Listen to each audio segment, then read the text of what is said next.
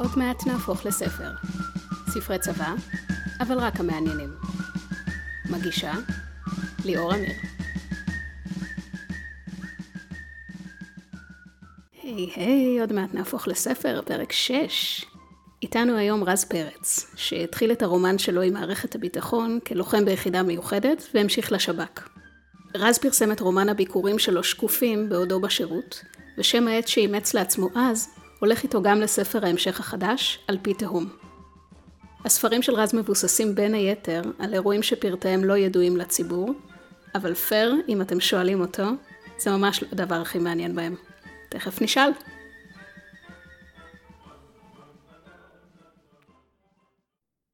טוב, התחלנו בשלוש, שתיים, אחת. שלום רז. שלום, ערב טוב. לגמרי. אה, נתחיל בכמה שאלות חימום. מצוין. מה עשית בצבא? הייתי לוחם ביחידה מיוחדת. מה עושה היום? היום אני מנהל פרויקטים בתחום הביטחון. לשעבר אה, איש מערכת הביטחון. היום אני מושל למשרד החינוך. ביום שיצא הספר הראשון שלך, שקופים, איפה היית? הייתי באילת אה, עם אה, גלית רביצקי שערכה את הספר. האמת שכל אחד מאיתנו לקח עותק, עברנו עליו, זה היה אחרי שכבר קיבלנו עותק שמש והכל ואישרנו, זה כבר היה הגרסה הסופית, אבל uh, היה ממש uh, רגע כזה שפשוט כל אחד ישב וקרא את הקטע שהוא הכי אוהב בספר. וזה פשוט היה כאילו... נכנסתי עכשיו לחנות ספרים, ולקחתי ספר, ואני קורא איזשהו קטע, ואני... לקח לי כמה שניות לעכל שאני זה שכתב את מה שאני קורא עכשיו. שזה ממש, ממש יצא.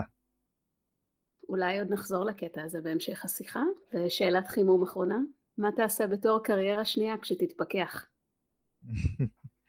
כשאני אעזוב את מערכת הביטחון, אז uh, חשבתי על זה עוד לפני שהתחלתי, שהושאלתי למשרד החינוך בעצם, אבל חינוך תמיד היה משהו שמשך אותי. Uh, אולי כי גם בצבא מאוד אהבתי להדריך, אה, ואני חובב היסטוריה לא, לא קטן. אז אה, אני אלמד. חוץ מזה שאני מתכוון להמשיך לכתוב ספרים, אני כרגע עובד על ספר שלישי, ויש כבר מסגרת לספר רביעי, ורעיון לחמישי שכבר יושב. אז אה, זה כנראה ש... כנראה שזה גם סוג של קריירה שהיא מגבילה, לא, לא, לא לחיות רק מזה, אבל ללא ספק להמשיך לכתוב. כן, אה, מורה להיסטוריה בלילה, סופר ביום, נשמע לי אחלה דיל. טוב, יאללה, בוא נצלול. רז, אתה בעצם הראשון שהתארח כאן בפודקאסט, שמוציא את הספרים שלו בשם עט. כולם יודעים שזה אתה, אז למה נכון. בעצם צריך שם עט? כשהתחלתי לעבוד על אה, שקופים, עוד, עוד הייתי בשירות, בעצם, אה, בשירות הביטחון, ותפס אותי מי שהיה ראש האגף שלי, הוא ידע שאני כותב, הוא אפילו לקח לקרוא כמה פרקים ואמר לי, תקשיב, אתה לא יכול לפרסם בשם שלך, אתה חייב שם את. כשאתה אומר שירות הביטחון, הכוונה לשב"כ? הכוונה לשב"כ, כן. אה, אמרו אתה חייב שמת, אתה לא יכול לפרסם בשם שלך, וחשבתי על השמט הזה, על רשת פרא. איכשהו כבר התחלתי לפרסם קטעים בתור רשת פרא והכל, אחר כך כבר יצאתי מהשירות ועברתי לפרויקטים אחרים במשרד לביטחון פנים, אה, במשרד החינוך, כשהספר יצא כשכבר הייתי, אה, כשכבר הייתי פה, אה, ואיכשהו זה נשאר, זה היה נראה לי טבעי לכתוב תחת שם עת, כבר, זה כבר ככה, זה כבר בלתי זה כמו, זה כמו, לא יודע, נצ'י, שכולם יודעים שהוא רביד פלוטניק, והוא עדיין חצי נצ'י, חצי רביד סבלימינל שכולם יודעים שהוא קובי שמעוני, אני לא יודע, לא, לא, אין לי למה להשוות, זה פשוט שם, שם במה כזה, שם שכבר תפס, ולמרות שכולם יודעים שזה אני, ובפייסבוק אה, זה עם הפנים שלי, ורשת את פרא, ואני כותב את הפוסטים והכל, זה סוג של uh, צד אחר בעצם. Okay. יש את אוקיי. רז שהוא הביטחוניסט, ואת פרא שהוא הסופר. למה בעצם אסור לך להוציא את זה בשם שלך? כי באותה תקופה אני עדיין בתפקיד שהוא קצת מבצעי.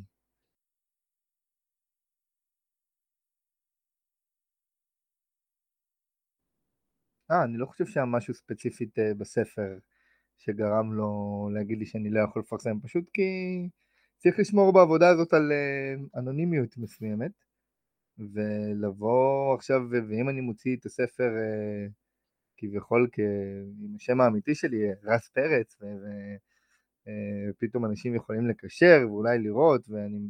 הספר מחולק לתקופה של, של השירות הצבאי ואחר כך לתקופה של המוסד. ובתקופה של השירות הצבאי יש שם כל מיני מבצעים שאני מתאר שהם לא יצאו בסוף לפועל, אבל מבחינת מודלים כבר הגענו לרמה של אישור תוכניות. ואפשר לבוא ולקשר אולי דרך יחידות ודברים, והם לא רצינו בעצם לפגוע ב... בהתכנות. תמיד כששואלים אותי מה אמיתי בספר, מה אמיתי בספר, אז אני, אני תמיד מפנה לדף הראשון שרשום כל קשר בין העלילה למציאות לדמיון הינו מקרי בהחלט. אנשים, זה הגרסה הרשמית, כשאימא שלי קראה את הספר פעם ראשונה ושאלה אותי, זה מה שעשית בצבא? אז אמרתי לה, אמא תראי מה כתוב, זה הגרסה הרשמית, כי אימא שלי עד היום לא יודעת באמת מה עשיתי, או איפה הסתובבתי אחר כך.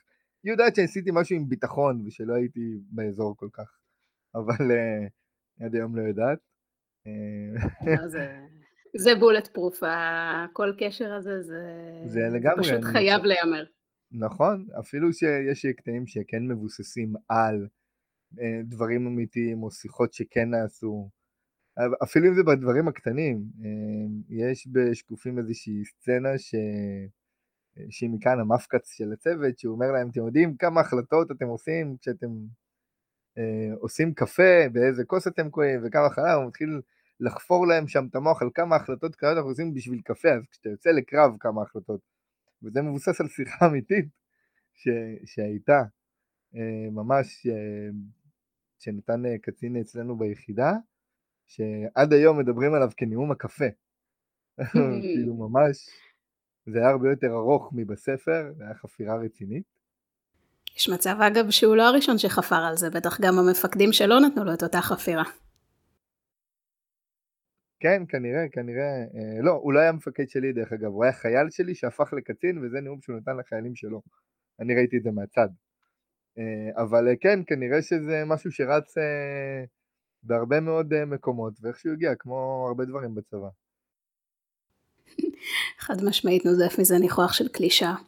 והדינמיקה שהייתה לך ועדיין יש לך עם מערכת הביטחון כאזרח, כמשרת בשירות, היא השפיעה איכשהו לטוב ולרע על הכתיבה? כן, ברור. קודם כל, אה,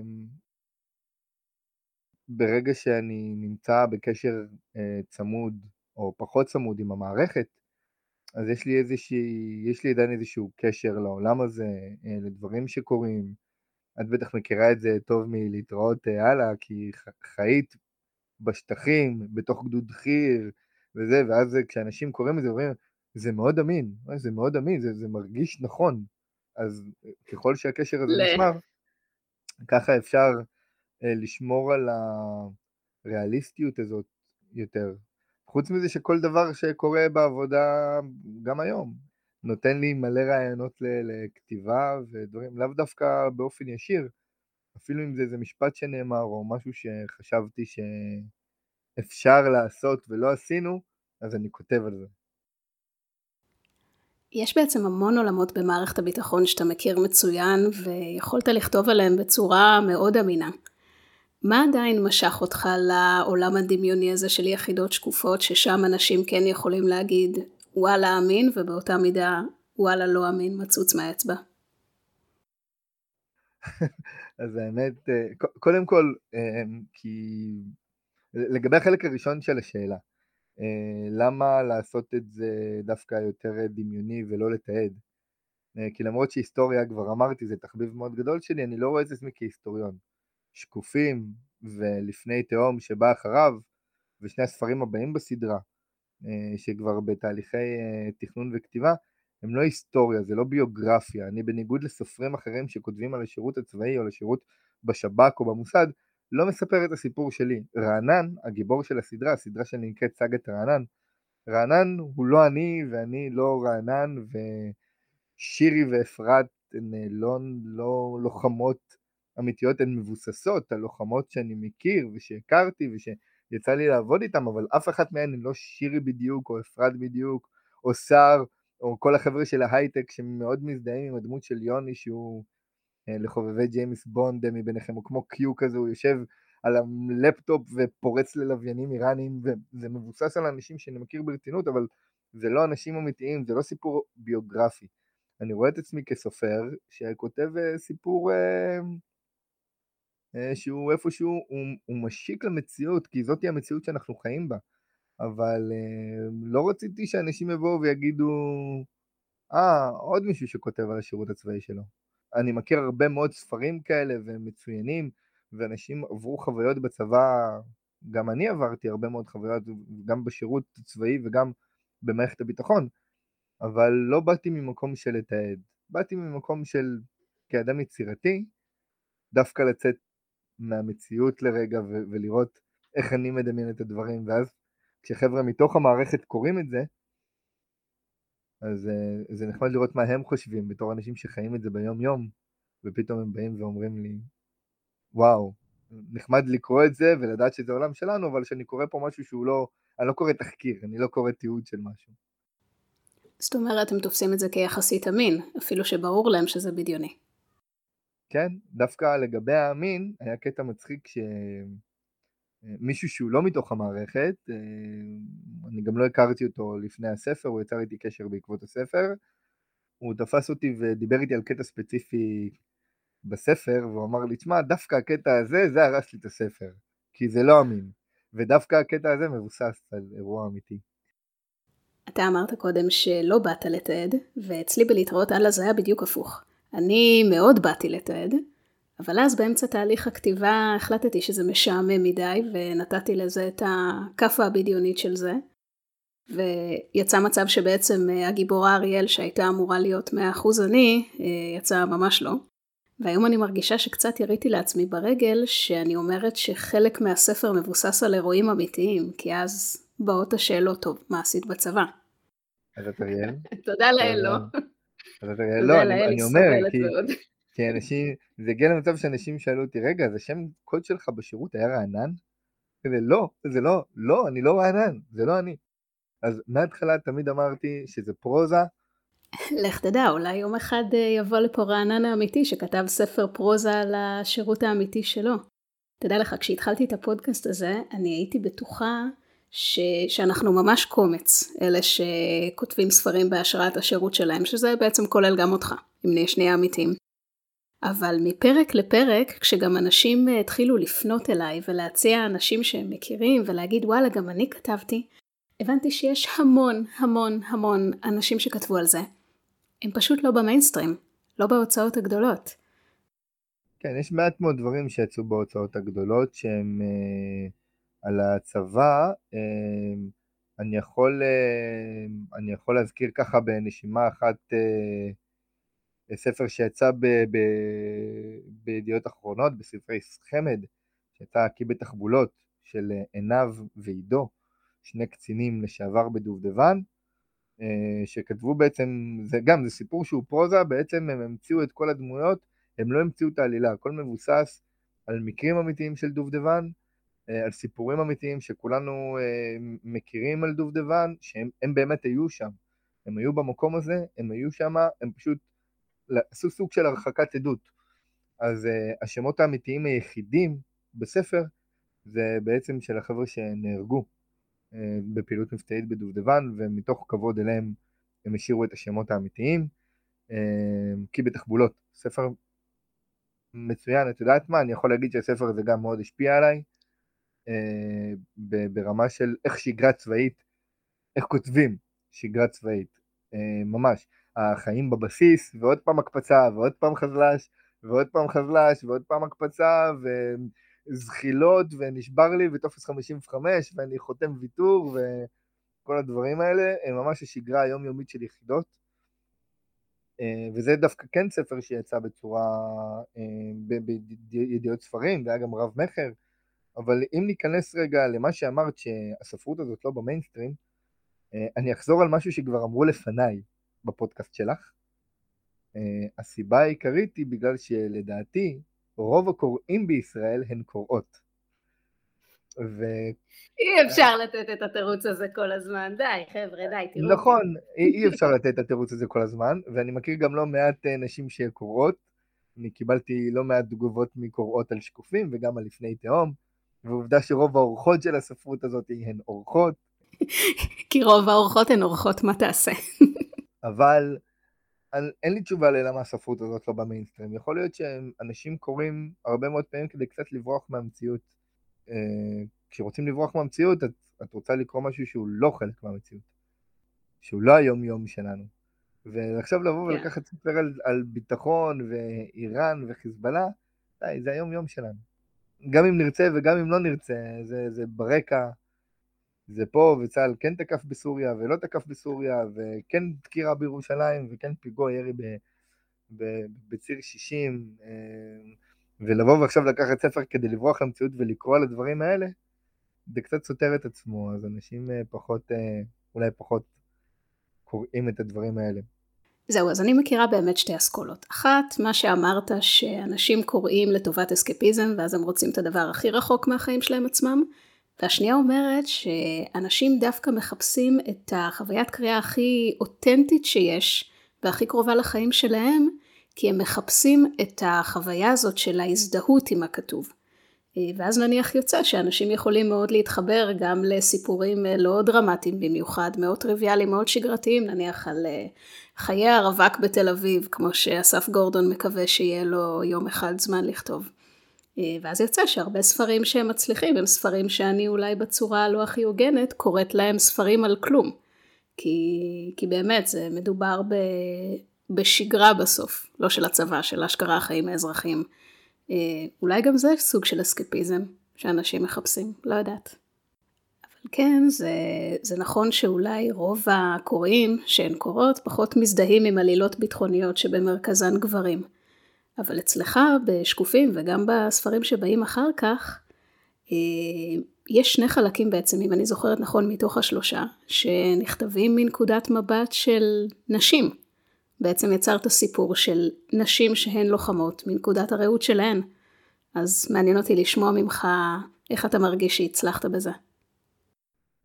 היה לי מוזר בהתחלה לכתוב בגוף גוף ראשון, אבל כאישה. מאוד חששתי מ...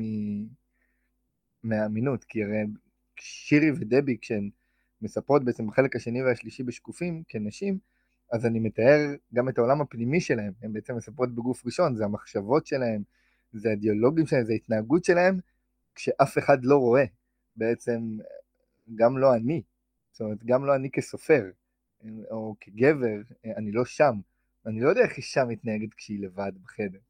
כן? אה, או מה היא חושבת, או איך נשים מדברות, ואני אף פעם לא הייתי בשיחה עם עוד מישהי כאישה לבד. וזה היה מאוד מאתגר, זה היה מאוד מאתגר, כי מצד אחד אני כותב לוחמות, שזה לוחמים שהן לוחמות במוסד, יש לומר, ומצד שני זה עדיין נשים, ואין לי את הזווית ראייה הזאת.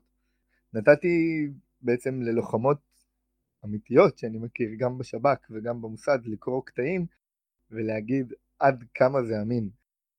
אז הדמות של שירי קיבלה הרבה מאוד אה, אה, ביקורות אה, טובות, חיוביות, בקטע של וואו, זה ממש אנחנו, כאילו ברמה של זה המחשבות הפנימיות, זה השקרים האלה שאנחנו מספרים לעצמנו, שהם בשוויץ, לא בשוויץ, סליחה, בנורבגיה, באיזושהי משימה, ויש שם קטע שהם כל הזמן חושבים אל תחשבו על אילהמר, אל תחשבו על אילהמר. למי שלא מכיר, אז אה, בקצרה על אילהמר זה מחדל של המוסד, חיסול שהיה בנורבגיה, בעיירה לילהמר, היו צריכים לחסל איזה טרוריסט, והיה טעות בזיהוי, חיסלו מלצר אה, תמים, ובנוסף כל החוליה נתפסה, נשפטה, ישבה בכלא, מחדל אה, רציני של המוסד משנות ה-70, והם כאילו הם בנורבגיה, וכל פעם הסיפור הזה מרחף מעליהם, וכל הזמן אל תחשבו על אילהמר, אל תחשבו על אילהמר, ויש קטע ששירי הולכת לישון, בעצם באחד הפרקים היא מסיימת כאילו, אה, התפשטתי, נכנסתי למיטה, ולא חשבתי על אילהמר. כאילו, כשזה ברור שזה מה שהעסיק אותה כל היום. אני חושב שמאוד התאהבתי בכתיבה הזאת, של לכתוב מזווית נשית, שהחלטתי שרוב הסדרה בעצם תסופר מהזווית הזאת. בעצם מעבר לאתגר שלך ככותב, יש איזשהו יתרון שהסיפור מקבל מזה שאתה מביא אותו מנקודת מבט של אישה? יש בזה אה, כמה יתרונות. אה, קודם כל, בהיבט האישי, אה, זה נותן קרדיט להמון המון לוחמות אה, שהציבור פשוט לא מכיר. כשהציבור אה, הרגיל, את זה למדתי, חושב על השב"כ או על המוסד במבצעים אה, עלומים, הם מדמיינים את הלוחם המסוכס עם הזיפים והאקדח שמוסתר בחגורה והוא הולך לכסח עכשיו. האמת שיש לא מעט נשים שהן לוחמות, גם בשב"כ, גם במוסד. נשים שהגיעו לתפקידים של ראשי אגפים, גם במוסד, גם בשב"כ, אישה שכבר הייתה משנה לראש המוסד. נשים שעושות עבודה כזאת, ומשום מה עדיין בחברה הישראלית אנחנו מאוד מתקשים לראות את האישה בתפקיד הזה. ברגע שרואים את זה, זה מאוד מיוחד, את אמורה לדעת, יש לך את אריאל, שהיא... אני לא אעשה ספוילרים לספר הבא, אה, אבל אה, שאנחנו רואים את ההתקדמות שלה בתחום. זהו, זה כל מה שאני אגיד בלי לעשות ספוילרים לספר הבא. אמ, וגם, אה, אז זה יתרון אחד. זה היתרון שלי בעצם, לפתוח את העולם הזה. וכן, וזה גם מעניין יותר, כש, כשבאים לקרוא פתאום על המוסד, ואתה פותח את הספר, ואישה מספרת. וואו. רגע, זה, זה שונה קצת, זה אחר, זה תופס את העין. יש הרבה אנשים שאמרו לי שהם התחילו לקרוא את שקופים, ושקופים מתחיל בסיפור של רענן אה, על השירות הצבאי שלו, ונגמר בזה שהוא מקבל את הזימון בעצם למוסד, וככה נגמר החלק הראשון, ואז הופכים דף ושירי מספרת. פתאום הוא במוסד ושירי מספרת. אז אנשים אמרו לי שרגע, וואו, מה... מה קרה עכשיו? מה האישה עכשיו? כן, מה קרה פה? מי, מי האישה הזאת? ואיך היא מדברת? ואז בעצם לראות את כל העולם הזה מזווית נשית, זה משהו שהוא מאוד מיוחד, מבחינתי גם כקורא. זה פשוט משהו שהוא קצת אחר, ועוד פעם, אני לא מתעד, אני כותב פרוזה, וככותב פרוזה, אני תמיד מחפש להפתיע את, ה, את הקוראים, לתפוס אותם, לתת להם משהו קצת אחר, שהם לא קיבלו במקומות אחרים. הרבה אנשים אמרו לי שהם אה, ממש אהבו את הדמות של שירי, שהם אומרים, מה, אם, אם בספר הבא שירי לא תספר, זה יהיה מאוד, מאוד מאכזב. אה, טוב, צריך לתת לאנשים מה שהם רוצים. אה, וגם משהו שהם, משהו שהם לא מקבלים בדרך כלל. את יודעת, בואי נחשוב על להתראות הלאה מהזווית של כהנא, לדוגמה. זה עוד ספר שכולנו קראנו כבר ואנחנו מכירים ויש מלא סדרות וספרים כאלה, אבל זה שהבאת את הטוויסט ואריאל מספרת, עם כל הרקע המשפחתי שלה וכל ה... כל המטען הזה שהיא נושאת איתה וכל מה שעוברת בספר, שאין ספק שזה חוויות שהן מאוד ייחודיות דווקא כאישה. זה מוסיף הרבה. נכון, גם כל איך שהיא חוותה את המשימה הזאת ואת העולם הזה הפלסטיני, הושפע ונקבע אה, מזה שהיא הייתה אישה. מזה שטארק הרב מחבלים שהיה בעצם המטרה מספר אחת שלהם אה, יכול היה להתאהב בה אה, ועד לאיפה היא מצאה את עצמה בחברה של הבנות שם וזה משהו שאני קיבלתי אליו השראה מצלמת של national geographic אלכסנדרה בולה שלי הייתה את הזכות לפגוש אותה כנערה לפני הרבה שנים אה, כמה חודשים לפני שלצערנו היא מתה בפתאומיות. אה, היא נתנה איזושהי הרצאה אה, על כתבות צילום שהיא עשתה בחברות שמרניות כמו אפגניסטן. והיא מספרת על איזשהו אירוע אחד שהיה איזשהו מתחם סגור עם אוהל באמצע שלו. היא אומרת עצרו את כל הצוות שלי, אמרו אתם לא יכולים להיכנס. שם בפנים רק נשים יכולות להיכנס. והיא אומרת אז נכנסתי. וזה יתרון מאוד גדול ש, שיש לנשים כשהן באות לתעד אה, חברות סגורות כאלה של נשים, כי בעצם ה, בחברות שמרניות כל ההוויה הנשית אה, היא מאוד פרטית, היא בחדרי חדרים בתוך הבית. אף גבר לא יחלום להיכנס לחדר שעכשיו נשים מסורתיות מורידות בו את כיסויי הראש. בעוד החיים של הגברים, החיים החברתיים, הם הרבה הרבה יותר פומביים. גברים יושבים בחוץ מעשנים נרגילה, אבל מה קורה בתוך החדר ההוא, הם אף פעם לא ידעו. אה, וזה מוביל אותי לאיזושהי שאלה שרציתי לשאול אותך על הסביבה שבחרת לעולם הזה של הסאגה של רענן. אה, בעצם העובדה שמדובר ב... ביחידה שקופה אה, נותן הרבה מאוד חופש לדמיין ולהתפרע איך היא מתנהלת, כי יחידות שקופות הרי לרוב לא יודעות אחת על קיומה של השנייה וגם כנראה מתנהלות מאוד אחרת אחת מהשנייה. אבל עדיין כדי לברוא סיפור על יחידה כזאת שיהיה אמין, כמו כל עולם שאתה בורא מדמיונך, צריך שיהיו בו איזה שהם חוקים, איזושהי עקביות. אז מעניין אותי מה היו החוקים שאתה קבעת לעולם הזה של רענן, של היחידה שלו, ומאיפה שאבת אותם. אמ, כן, קודם הסתמכתי על דברים ש... על הרבה מאוד דברים שאני עברתי, או אנשים שפגשתי במהלך אה, השירות הביטחוני שלי אחר כך ושירתו ביחידות כאלה אמ, עברו, יש למשל אה, את הסצנה של, אה, את הפרקים של הטירונות יחידה. אחרי הטירונות, ביחידות מיוחדות בעצם יש, בגדודים קוראים לזה אימון מתקדם, וביחידות מיוחדות טירונות יחידה. ויש שם קטע שהם בעצם זוחלים כל הזמן. זוחלים את מצדה וזוחלים את נחל כתליו. וזוכלים בניצני וזוכלים בכל מקום. וזה משהו שאנחנו עברנו באמת. אני זכלתי את נחל כתליו מלמעלה למטה, מי שמכיר את המקום.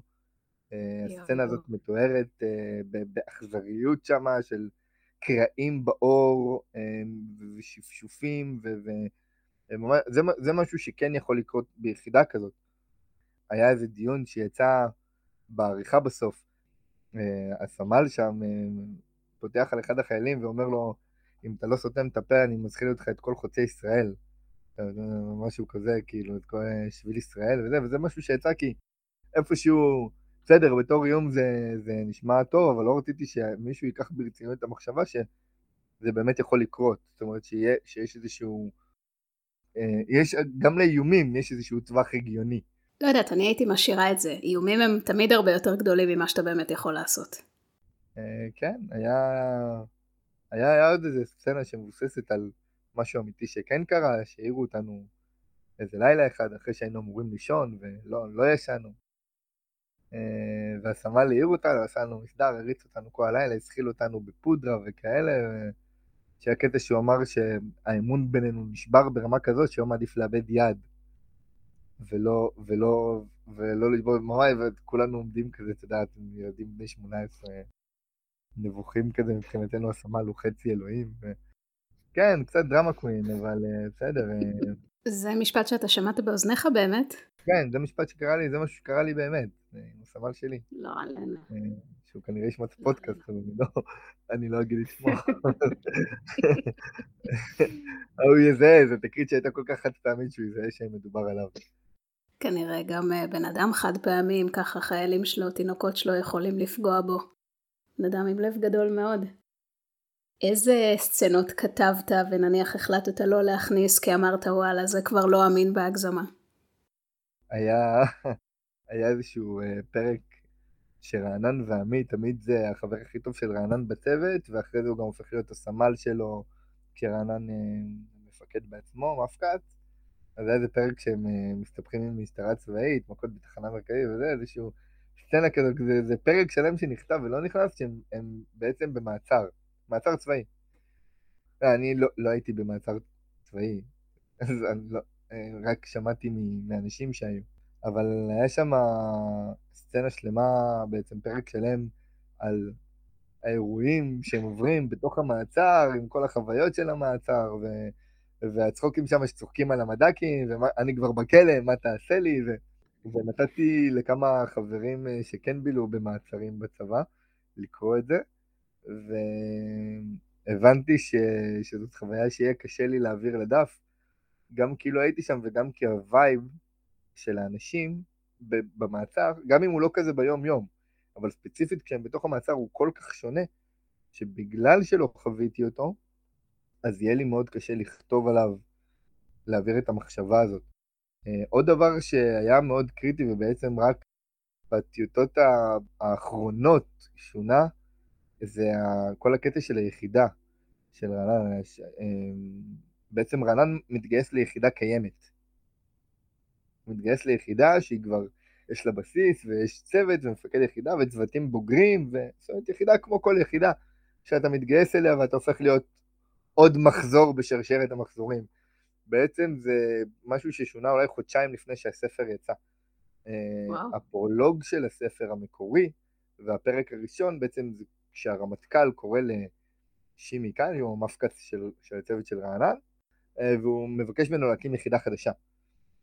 והחיילים אה, לא מתגייסים בעצם ישירות ליחידה, הם בעצם מגויסים אחרי שהם שנה וקצת כבר, כל אחד שימי אוסף אותם, שתיים מדובדבן, אחד מיעל, אחד כזה מהשייטת, עוד אחד ממטכ"ל, אוסף אותם אחד אחד ובונה את הצוות. וזה בעצם היה הפרקים הראשונים. שתוך כדי אימונים, פתאום מביאים עוד חייל, והם עוברים כבר איזה חודשיים, ופתאום עוד מישהו כזה מגיע ממגלן כזה, מצטיין מסלול במגלן, מביאים אותו, וזה שונה ממש לקראת הסוף. כי הבנתי שגם כשמקימים יחידות חדשות לא מקימים אותן ככה. לקחתי לדוגמה את דובדבן, אה, שכשהקימו את דובדבן אז באמת לא הביאו, זאת אומרת לא הביאו חיילים משום מקום. אז החבר'ה שהקימו את דובדבן היו בעצם אה, יוצאי שייטת, אם אני זוכר נכון, ומימ"ס, ובעצם גייסו חיילים מהבקו"ם אליהם. זאת אומרת, רק הסגל היה, היה חדש מכל מיני יחידות. זה אמנם היו פרקים מאוד יפים, זאת אומרת, כל מי שקורא אותם מאוד מאוד מצחיק לקרוא את זה, כי יש שם, יש שם כל מיני חוויות, כאילו, שאומרים של חבר'ה שכבר שנה פלוס בצבא, פתאום עוד פעם דיסטנס וזחילות וזה. ניסיתי להחליף את זה קצת בפרקים ה... החדשים, שהם הרי לא יודעים לאן הם מתגייסים. בהתחלה הם מגיעים מהבקו"ם ואין להם מושג לאן הם הגיעו, יש שם את הקטע שבשיחה הראשונה אז המפקץ אה, שלהם שואל אותם, אה, שואל אותם מי זה ניקו, וניקו מרים את היד, אז הוא אומר לו, מצטער, פה זה לא קורס טיס. ניסיתי לעשות את זה, להעביר את זה שבאמת כל אחד רצה להגיע לאיזשהו מקום והם הגיעו לשם כי הם פשוט הצטיינו בגיבושים שלהם. שזה משהו שהוא כן הגיוני, והוא כן קורה. אני מכיר את זה מניסיון, שהוא כן קורה, שחבר'ה עוברים אה, מיונים וגיבושים ומגיעים למקומות סודיים ומובחרים הרבה יותר, אפילו מבלי לדעת שהם התמיינו לשם. אה, וזה, בכוונה לא השארתי את זה ככה, כי בסופו של דבר הבנתי שזה לא יאמין, עם כמה שזה היה מצחיק ומוסיף הרבה הומור לספר. אז זה דברים שירדו כי הם באמת אה, לא היו עומדים במבחן האמינות. ובסוף ככותבים, גם אם אנחנו כותבים משהו שהוא... גם אם אני כותב פנטזיה. או מדע בדיוני, גם בספרים האלה יש בעצם את החוקים האלה שדיברת עליהם. שאסור לצאת מהם כדי שיהיה פה איזשהו סוג של היגיון ולשמור על אמינות מסוימת. בדיוק. אה, אז אה, זה דברים ש... שירדו. לא לצערי בעצם, לא לצערי, כי אני יותר אוהב את, ה... את הגרסה שפורסמה, ואת איך שזה נראה עכשיו. טוב, אם כבר התחלנו לדבר על אמינות, יש לי עוד שאלה בנושא הזה. אה, אני שמה לב שבפרוזה צבאית, בין אם היא מבוססת עכשיו על אה, שירות אמיתי של מישהו, ובין אם היא דמיונית לגמרי, אה, יש דבר אחד שלא כל כך מתעכבים עליו, שלתחושתי הרבה פעמים פוגע דווקא באמינות של הסיפור, וזאת החוויה של לאחוז בנשק. משהו כזה שהוא כל כך בסיסי לחוויה של הלוחם, הקשר בינו לבין הכלי שלו, הגאווה שלו בכלי הזה, השפצורים, העניינים. אה, וגם הפעולה הזאת של הירי, שהיא פעולה כל כך סוחטת, פיזית ומנטלית, זה, זה הרי מאמץ אדיר, בין אם פגעת במטרה ובין אם לא. אז איך יכול להיות שדווקא מהדבר הזה, ש, שיכול כל כך לחבר את הקוראים ולהכניס אותם לעולם הזה, יש איזושהי הימנעות? אני חושב שלהרבה מאוד לוחמים, במיוחד אם אלה לוחמים אה, שלא עשו שלוש שנים והשתחררו, אלא חבר'ה שהמשיכו להתמקצע אה, בנשק, איפשהו זה הפך להיות קצת אה, טריוויאלי, כמו, כמו להכין קפה, כמו, כמו לנשום, לשלוף, לדרוך, לשחרר כדור. זה לא נראה אישו, אני גם אגיד לך יותר מזה, מערכת הביטחון אה, על פי פרסומים זרים, יודעת לחסל אנשים, גם בצורות שהן לאו דווקא באות לידי ביטוי בנשק, או הרי כל דבר יכול להיות נשק, כן? חבילת ביסקוויטים יכולה להיות נשק, אבל לא, לא בנשק חם, לדוגמה. אני חושב שכשאתה מתמקצע על נשק בצורה כזאת, אני מבקר במטווח בין שלוש לארבע פעמים בשבוע, למשל. יש לי את האקדח שלי, ויש לנו פה באילת את אחד המטווחים הטובים אה, בארץ, אה, ואני מבקר שם לא מעט, אה, וזה באמת, מבחינתי כבר פעולה שהיא כל כך טריוויאלית, אז זה נראה, לך, זה נראה לי קצת מוזר להתעכב על זה. יש דברים שיותר נהניתי להתעכב עליהם, לדוגמה כל היחסים אה, של אה, רענן ורוני, שהיא בת זוג שלו. אה, הפרק הכי יפה, דרך אגב, בשקופים, אולי הפרק הכי יפה שכתבתי בכלל אי פעם, זה לילה של רענן ורוני על החוף בראשון לציון בלילה. לצערי הוא לא נכנס לספר, הוא ירד בעריכה בסוף. אבל זה פשוט פרק שמבחינתי הוא מדהים. אני נלחמתי בשיניים כדי שהוא לא ירד בעריכה. ומבחינת העלילה הוא לא תורם כלום, זה פשוט תיאור של לילה של זוג אוהבים, אה, אין שם איזושהי סצנה אירוטית, מינית, אין זה, להפך, זאת שיחה, אבל זאת שיחה שהיא כל כך עמוקה, והיא כל כך אה, אה, כנה, שנורא נהניתי לכתוב אותה. דרך אגב, רוני היא הדמות היחידה בספר שמבוססת על מישהי אמיתית. וואלה. כן, חברה שלך? לא, היא לא חברה שלי, היא הייתה האהבה הראשונה שלי בגיל פה באילת, בגיל 16, היא גם קראה את כל הפרקים של אה, רוני בשקופים, נתנה עליהם הערות, וכשהיא שאלה אותי למה דווקא היא, אז אמרתי לה, טוב, אם אף פעם לא היינו במציאות, לפחות בספר. יואו, אמרת לה את זה? איזה גיבור אתה. היא גם ידעה בזמן אמת שאני מאוהב בה בטירוף, היה לה חבר מכיתה, היינו בכיתה י', והיה לה חבר בכיתה י"ב, כאילו, שהיה בא עם אופנוע לבית ספר, כאילו, למי יש סיכוי אם הוא לא? הי"בניקים האלה. כן, וממש זה שהיא הייתה מקית טירונים בניצנים, גם רוני שלי הייתה מקית טירונים בניצנים, וממש, היא בעצם הדמות היחידה שהיא עם השם שלה, והדבר היחידי ששיניתי זה שבספר היא מראשון ובמציאות היא מאילת, פשוט הייתי שם שתי בני נוער באותו גיל מאילת, שלא מכירים אחד את השני, די, אלעד זה עיר קטנה, זה מטר על מטר, כולנו פה מכירים את כולם. אז שיניתי את זה, נתתי לה נופך קצת אחר, אה, אבל אה, כן, זאתי למשל סצנה שמאוד אהבתי לכתוב, אה, והיא לא נכנסה בסוף. זה לדעתי פעולה יותר קשה מלכתוב על איך לוחם שולף, דורך, או טוען כדורים במחסנית, או משמן קפיץ, הרבה יותר מעניין אותי לכתוב איך, איך אותו לוחם שאתמול היה בשכם ו- ונכנס לבית של מחבלים וחיסל מחבל מטווח אפס, איך הוא יום למחרת אה, יושב עם חברה שלו על החוף ומדבר איתה על מה הם יעשו כשהם יהיו זקנים בני 70 ואיך הם רוצים להזדקן ביחד. זה לדעתי הרבה יותר מעניין, גם הרבה יותר נכון, אני פחות התעסקתי באיך אני יורה בנשק וכן איך אני כובש את ליבה של רוני גם בשירות הצבאי. יותר התעסקתי בזה, זה יותר עניין אותי. אה, מאשר לדרוך אקדח. כבר ידעתי לדרוך אקדח כשהייתי תשעה חודשים בצבא, כבר קיבלתי אקדח. הלכו לי האצבעות מאלף דריכות של אקדח, את יודעת, אלף דריכות, אלף... הכל במתקן אדם, בקורס לוטר, אה, שכל מי שמכיר את הקורס אה, יודע על מה אני מדבר, ומי שלא יודע, איזה כיף לכם. אז, אז הרבה יותר באמת מעניין אותי הדברים האלה. יותר קשה לי נגיד לתאר את זה.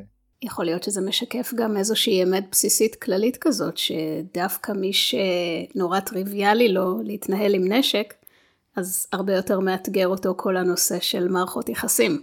אוי, לגמרי. אני לא מעיד על הכלל, אני אעיד על עצמי, אבל אני חושב שאני חלק מכלל מאוד גדול מהיכרות אישית. אנשים שעובדים במערכת הביטחון, אה, בין אם זה אנשים שהמשיכו לצבא קבע, יחידות מיוחדות אה, במשטרה, בשירות, במשרד. אה, אני רואה את זה הרבה מאוד מסביבי, מאוד מאוד קשה לתחזק אה, מערכות יחסים. במיוחד בגלל שאתה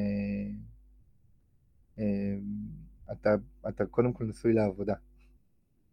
ורענן מתמודד עם זה. בספרים הבאים, כל הצוות, גם הבנות, גם הבנים, מתמודדים עם הנושא הזה של מערכות יחסים, של איך מתחזקים מערכות יחסים בעבודה כזאת, ובמה זה בא לידי ביטוי, ויש... איך אתה מתמודד עם זה שבת הזוג שלך לא מאמינה לך שאתה ביטחוניסט, חושבת שאתה משקר. עכשיו מה, תיקח אותה לעבודה, רק להכניס אותה לשם אתה צריך סיווג ביטחוני של ארבע חודשים. איך אתה מוכיח שאתה בעצם עובד בעבודה כזאת, זה בעצם דברים שהתמודדתי איתם, גם בשקופים, יש נקודות ש... שכן, שמה זה בעצם להיות ביטחוניסט או ביטחוניסטית, כי הבנות גם מספרות שם לא מעט, ואיך איך, איך את מתמודדת עם זה שאת אישה, כן, שנראית uh, טוב וחברותית, ואת יוצאת לבר, והבחור uh, שמולך הוא עובד uh, בהייטק או משהו כזה, והוא שואל אותך איך, בא, איך, איך היה היום בעבודה, ואת כזה, בסדר, ובפנים הייתי בשכם.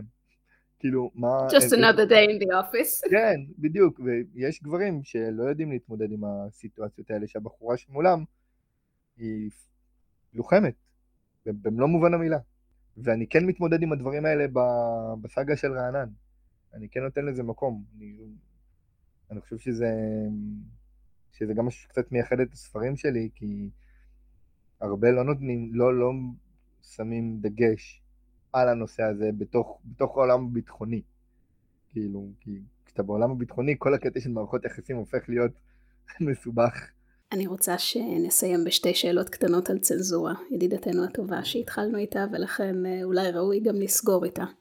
אז לא פעם יוצאי מערכת הביטחון אה, נורא משתחצנים בזה שהספר שלהם סוף סוף אה, עבר את אישור הצנזורה, לכאורה כי הם היו בתפקידים כל כך רגישים. נפץ לנו שנייה המיתוס. קודם כל, כל מי שעבד במערכת הביטחון עובר בצנזורה, עובר צנזורה פשוט כדי לראות שגם בשוגג הוא לא חשף דברים שאסור. אבל אה, מערכת הביטחון, אני מדבר על אה, שב"כ ומוסד או קצין בצבא בתפקידים מאוד בכירים או ביחידות מודיעין כאלה ואחרות, לא כל מי שעשה שלוש שנים אה, כלוחם או במודיעין והשתחרר למרות שכבודם במקומם מונח, הצנזורה פחות מתעניינת בזה, גם אין להם מספיק כוח אדם להתעסק. תודה לך. אבל uh, כל אלה ששמים על הספרים שלהם את... Uh, קיבל את אישור הצנזורה, ברור שהוא קיבל את אישור הצנזורה, אם הוא לא היה מקבל את אישור הצנזורה, הוא לא היה על המדף. היו מקומות אצלך בטקסט שהצנזורה כן התערבה? יש חלק שנכנס לספר, דווקא בחלק ששירי מספרת, זאת אומרת, כשהם כבר במוסד, uh, על איזשהו מבצע אמיתי שקרה, ואני כתבתי אותו כפשוטו, מה שנקרא, מה שקרה, כמו היסטוריון, פשוט אה, מבחינת עובדות, כן? את כל התוכן אה, המצאתי, את כל השיחות, כל הטיסות, כל הדברים האלה המצאתי, אבל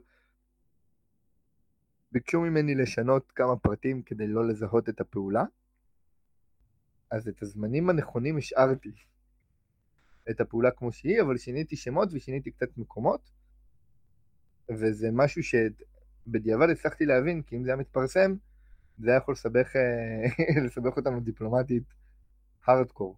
זאת אומרת, זה היה מבצע שפרטיו לא ידועים במלואם לציבור. לא ידועים בכלל לציבור. אין ספק שזה מוכר ספרים, עבר את אישור הצנזורה, אבל בחייכם, ספר שלא עבר את אישור הצנזורה לא היה מתפרסם. שאלו אותי אם אני רוצה לרשום על שקופים, עבר את אישור הצנזורה. אפשר היה במקום לשים חותמת כזאת, כמעט נפסל בצנזורה. הייתי, הייתי מוכר ספר ריק, לא עבר צנזורה. דפים ריקים. כל קווים שחורים כאלה. כן. דרך אגב, יש ספר באנגלית שעשו את זה, בתור טריק שיווקי, זה קצת מטומטם, אה, ספר אה, שהוא ברובו ביוגרפי, שנקרא לא גיבור, אה, שלוחם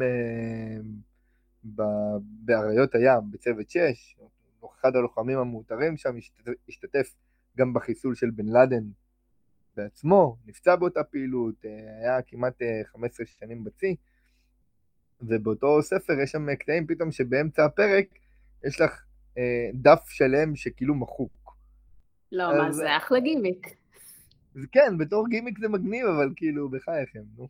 בזבזתם דף, סתם, מה אני, מה אני אעשה עם זה עכשיו? לטובת המאזינים שלנו, שחלקם כותבים ואולי רוצים לפרסם ספר בעודם בשירות, למה אתה ממליץ להם להיות מודעים וממה הם צריכים להיזהר? קודם כל, אה, צריך מאוד להיזהר מהפרטים הקטנים. אלה הפרטים שאנחנו לא שמים לב שכתבנו, והם אה, אלה שעושים את ההבדל. אם אתה בטעות רושם, אה, אם אתה נגיד סתם, אני זורק אה, ללוחם עכשיו שמשרת בדובדבן, והוא בצוות מסתערבים, לדוגמה, והוא רושם את סוג הרכב שבו הם נוסעים. ברמה הזאת, זה משהו שיכול להסגיר צוות שלם מבלי שהתכוונת. שמות של מקומות, שמות של אנשים, אם כותבים שמות של אנשים אמיתיים, אני עשיתי את זה בשקופים אה, פעמיים, חוץ מרוני השתמשתי אה, ב... בסגן אלוף רוזנטל ובתת אלוף גל הירש, שניהם היו מפקדים שלי בבה"ד 1. אה, את הרשות של שניהם קיבלתי, לפרסם, לפרסם את שמם בספר, כמפקדים בבה"ד 1 של רענן. מאוד ממליץ להתייעץ עם דמות פקודית בכירה במסגרת שלכם, גם כדי לקבל איזשהו אישור למה שאתם עושים. זאת אומרת, אם, אם אתם רוצים לפרסם איזשהו קטע בפייסבוק, אפילו תחת שם עט או אפילו כקטע פרוזה, עדיף שמישהו מהמערכת יראה את זה, יקרא, יעבור על זה, גם ייתן לכם איזשהו פידבק, וגם אה, יכול לעזור לכם אה, לא, לא להסתבך. צנזורה עם, עם כמה שהם אה, חבר'ה עם משקפיים שיושבים אה, באיזשהו אגף אה, ליד הקריה, הם עדיין חבר'ה רציניים, והמטרה שלהם זה לשמור על כולנו. אה, מהטעויות שלנו בפרסום. אז אם אני צריכה לסכם את זה, להיזהר מפרטים, לקבל את האישור של האנשים, או לכתוב על אנשים מתים. כן. לכתוב על אנשים מתים זה הכי, אה, הכי טוב. זה גם שקופים מוקדש לחברים, לחברים שלי שנהרגו בשירות הצבאי. אה, כל אחת מהמשפחות קיבלה כמובן עותק, וקיבלתי רשות מראש לכתוב את השם, זה גם משהו שצריך. אם אתם מזכירים אה, חברים מתים בספר, לקבל אישור של המשפחה. לפעמים אלה פצעים שקצת קשה להתמודד איתם. אבל אנשים מתים זה ממש אס בהקדשות. אני הרי את להתראות הלאה הקדשתי לשני אנשים מתים, אה, אימא שלי ורב סרן יחיאל אמסלם ששירת בסיירת מטכ"ל, היה אח של סבא שלי. מה זה שירת? היה תמיד... מפקד הצוות הראשון, צריך לתת את הכבוד. מפקד הצוות הראשון של סיירת מטכ"ל. צריך בהחלט. זה נהדר מהבחינה הזאת שאף אחד מהאנשים החיים שיכולתי להקדיש להם את הספר לא נעלבו שלא הקדשתי להם, כי בכל זאת, וואלה. אז את שקופים הקדשתי באמת אה, לחברים שלי שנהרגו בשירות הצבאי, ואת לפני תהום, שזה ספר שמדבר על, אה, על שבויים בעצם ונעדרים, הקדשתי אה, לאלה שעוד לא הצלחנו להחזיר. אה, אז גם, אף אחד לא נעלב, כי ברור שאני אקדיש ספר כזה לשבויים ולנעדרים. אז אף אחד שזה, ההורים לא, והחברים לא, ואף אחד מתוך המערכת לא נעלב שלא הקדשתי לו. כן, יש את א', הוא המנטור שלי ככה בתוך מערכת הביטחון. עכשיו, מה אני אקדיש? לאלף? אז מה? מה עשיתי פה? זה אחלה גימיק, זה כמו השורות השחורות בספר של ההוא מהנייבי סילס. הקדושה של ספר זה ללא ספק אה, פרט חשוב, וצריך לעשות אותו בחוכמה באמת, כדי לצלוח את הדף הראשון של הספר. טוב, וואו, יצא לנו ככה בלי שהתכוונו עוד טיפ של מקצוענים לסחוט ממך.